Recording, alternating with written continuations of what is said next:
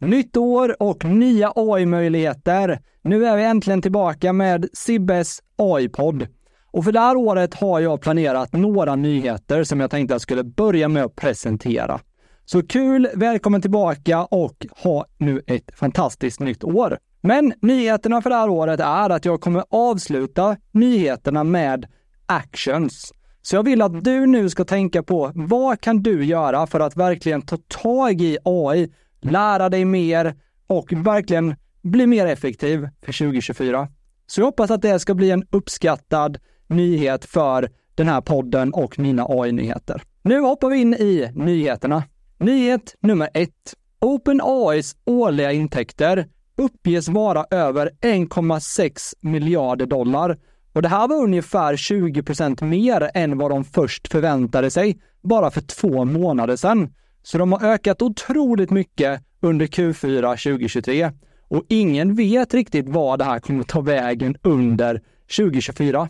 Men det vi vet, det är en nyhet som kommer i slutet på den här podden, så missa inte den nyheten. Nyhet nummer två. Apples egna Large Language Model är äntligen lanserad. Och någonting som är lite nytt och häftigt just med Apple är att de har släppt sin modell helt open source.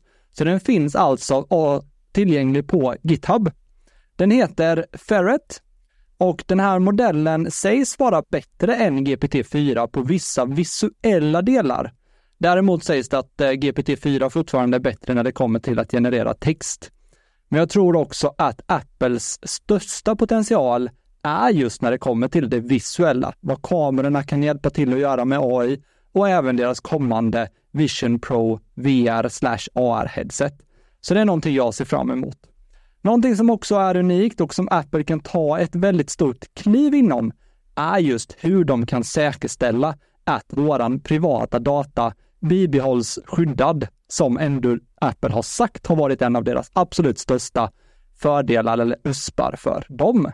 Nyhet nummer tre. Google säger att de kan ersätta mängder med eh, jobb för de som jobbar med annonsförsäljning av deras annonsplaceringar. De anser nu att de har fått tillräckligt många av sina kunder att gå över till den nya eh, PMax som den heter om man gör Google-annonsering. Och eh, detta gör då att de här personerna inte längre behöver sälja de här tjänsterna. Google säger att det kan vara tal om uppsägning, men också troligt att de blir omplacerade inom företaget till andra roller. Nyhet nummer fyra. Microsoft har nu äntligen släppt sin app Copilot och den är nu tillgänglig alltså för både Android och iOS-användare. För dig som inte har ChatGPT Plus så är detta en väldigt stor grej, nämligen för att du kan komma åt och använda GPT-4-modellen helt gratis utan att ens behöva köpa GPT Plus via den här Copilot. Jag själv tycker att Copilot har vissa begränsningar och är hårdare filtrerad än vad GPT-4 är via ChatGPT. Så det är en nackdel tycker jag. Men annars tycker jag in och testa den här appen. Nyhet nummer 6. Det här handlar om AI-skapade virtuella influencers. För nu sägs det, och det är tydligt på vissa håll, att de här skäl eller tar över affärer från vanliga människor. Det finns väldigt många som säger att det är enklare att jobba med de här AI-influencerna för att de sätter inte så mycket krav bakom sig själva, utan de är lite mer att de gör vad de blir tillsagda. Och det är väldigt tydligt. Jag vill ha den här typen av bild, jag vill ha den här typen av film, det här är vad du ska säga, det här är vad du ska göra. Så att eh, de här influencerna har ju redan miljontals följare och de gör redan brand deals eller collabs med företag för hundratusentals kronor per inlägg. Och de har ju flera miljoner följare också. Men det är fortfarande en etisk fråga om man tycker att det är okej okay att jobba med de här AI-influencerna. Flera av dem är extremt tydliga med att det här är en influencer som är skapad med hjälp av AI. Men det verkar fortfarande vara en, en delad mening där ute om man tycker att det är tillräckligt tydligt eller inte. För enligt eh, dialog med en av de här skaparna till en AI-influencer så är det fortfarande så att de får förfrågningar från följare om de kan träffas IRL. Vilket kanske inte hade varit rimligt att göra med en AI-modell. Men vi får se hur det här eh, blir för företag framöver, om det är så att fler företag vill börja jobba med AI-influencers eller inte i framtiden. En av de första virtuella influencerna som eh, skapades heter Lil Mukwela och eh, har miljontals följare och tar som sagt hundratusentals dollar för ett samarbete. Och eh, den här influencern har då jobbat med bland annat Burberry, Prada och Givenchy. Nyhet nummer sju. Företagen Nikon, Sony och Canon har nu bestämt sig för att de ska bekämpa AI-förfalskningar med hjälp av en helt ny kamerateknik och medföljande mjukvara. Den här kameratekniken innehåller alltså ny teknik inne i kamerahusen som ska lägga på en digital signatur direkt på de bilderna som är tagna med sin kamera. Sen kan den här mjukvaran då användas av publicister och nyhetsföretag som då kan se att den här bilden är tagen av en människa eller av en kamera. Och om bilderna på något sätt manipuleras på vägen med hjälp av AI eller andra verktyg så kommer det också bli tydligt direkt i bilden. Det sägs att till exempel Adobes verktyg kommer få stöd för det här, så att om du till exempel redigerar med Lightroom så kommer den här digitala signaturen fortfarande finnas kvar. Men använder du då till exempel ett eh, AI-verktyg som Midjourney så kommer det här alltså att försvinna. Så det blir spännande att se hur de kommer använda detta. Men förfalskningar på bilder och AI-genererade bilder som inte är äkta är ett stort problem. Och här vill de hitta en möjlighet och en förbättring. Nyhet nummer åtta.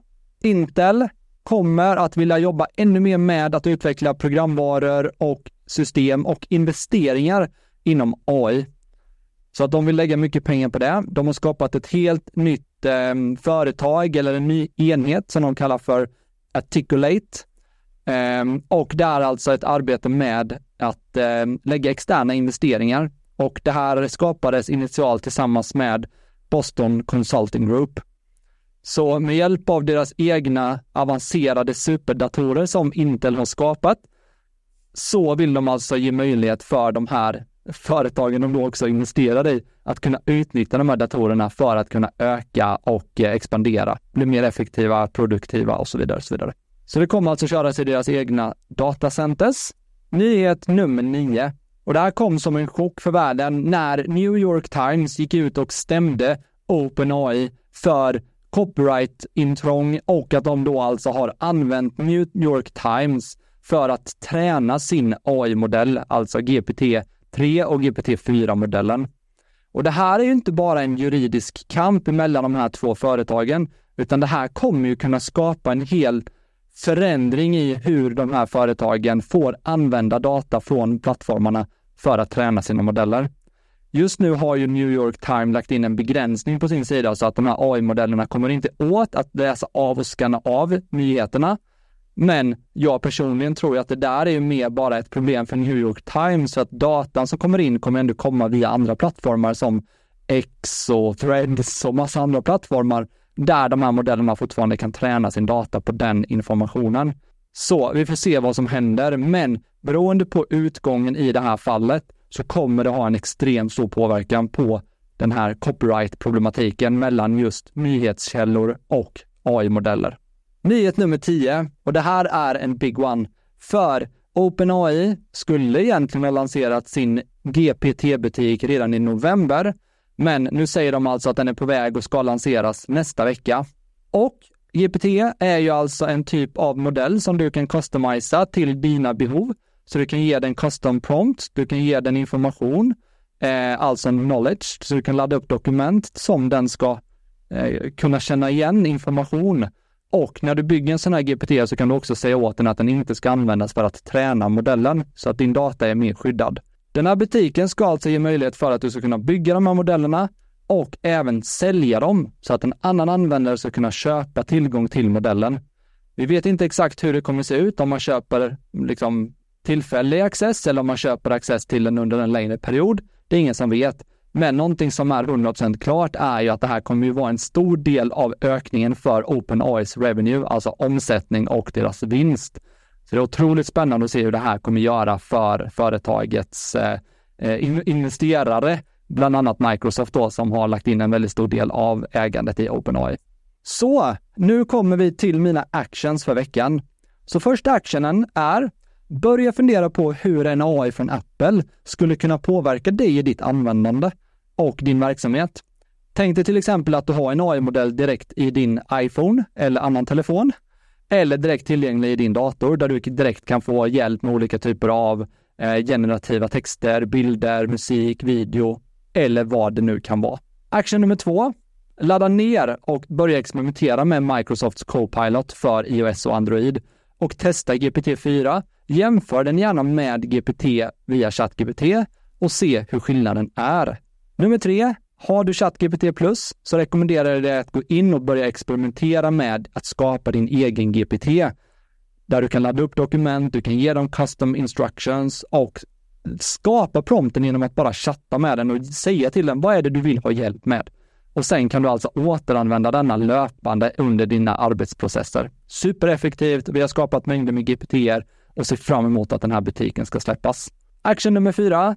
Ta en titt, gå in på AI-influensen Aitana Lopez, A-I-T-A-N-A-L-O-P-E-S och bilda dig själv en uppfattning om hur de här AI-influenserna kan användas och hur företag utnyttjar dem idag för att både skapa dem, men också att använda dem för att marknadsföra dina produkter och tjänster. Jag säger inte att det är rätt eller fel, men du borde bilda dig en egen uppfattning och hur du tycker att det här borde användas. Det är mina actions för den här podden. Och nu hoppar vi in i vecka två. Ta tag i den med stormsteg. Jag kommer uppdatera mig själv på alla AI-nyheter och presentera dem till dig här i podden igen nästa söndag och på LinkedIn nästa måndag. Och vill du ha den här informationen i textform så imorgon kommer jag ladda upp dem på LinkedIn så att de finns tillgängliga där i karusellformat. Så detta var allt för denna veckan. Nu kör vi 2024. Stort tack för att du är en del av denna podden. Ha det gott nu. Hej!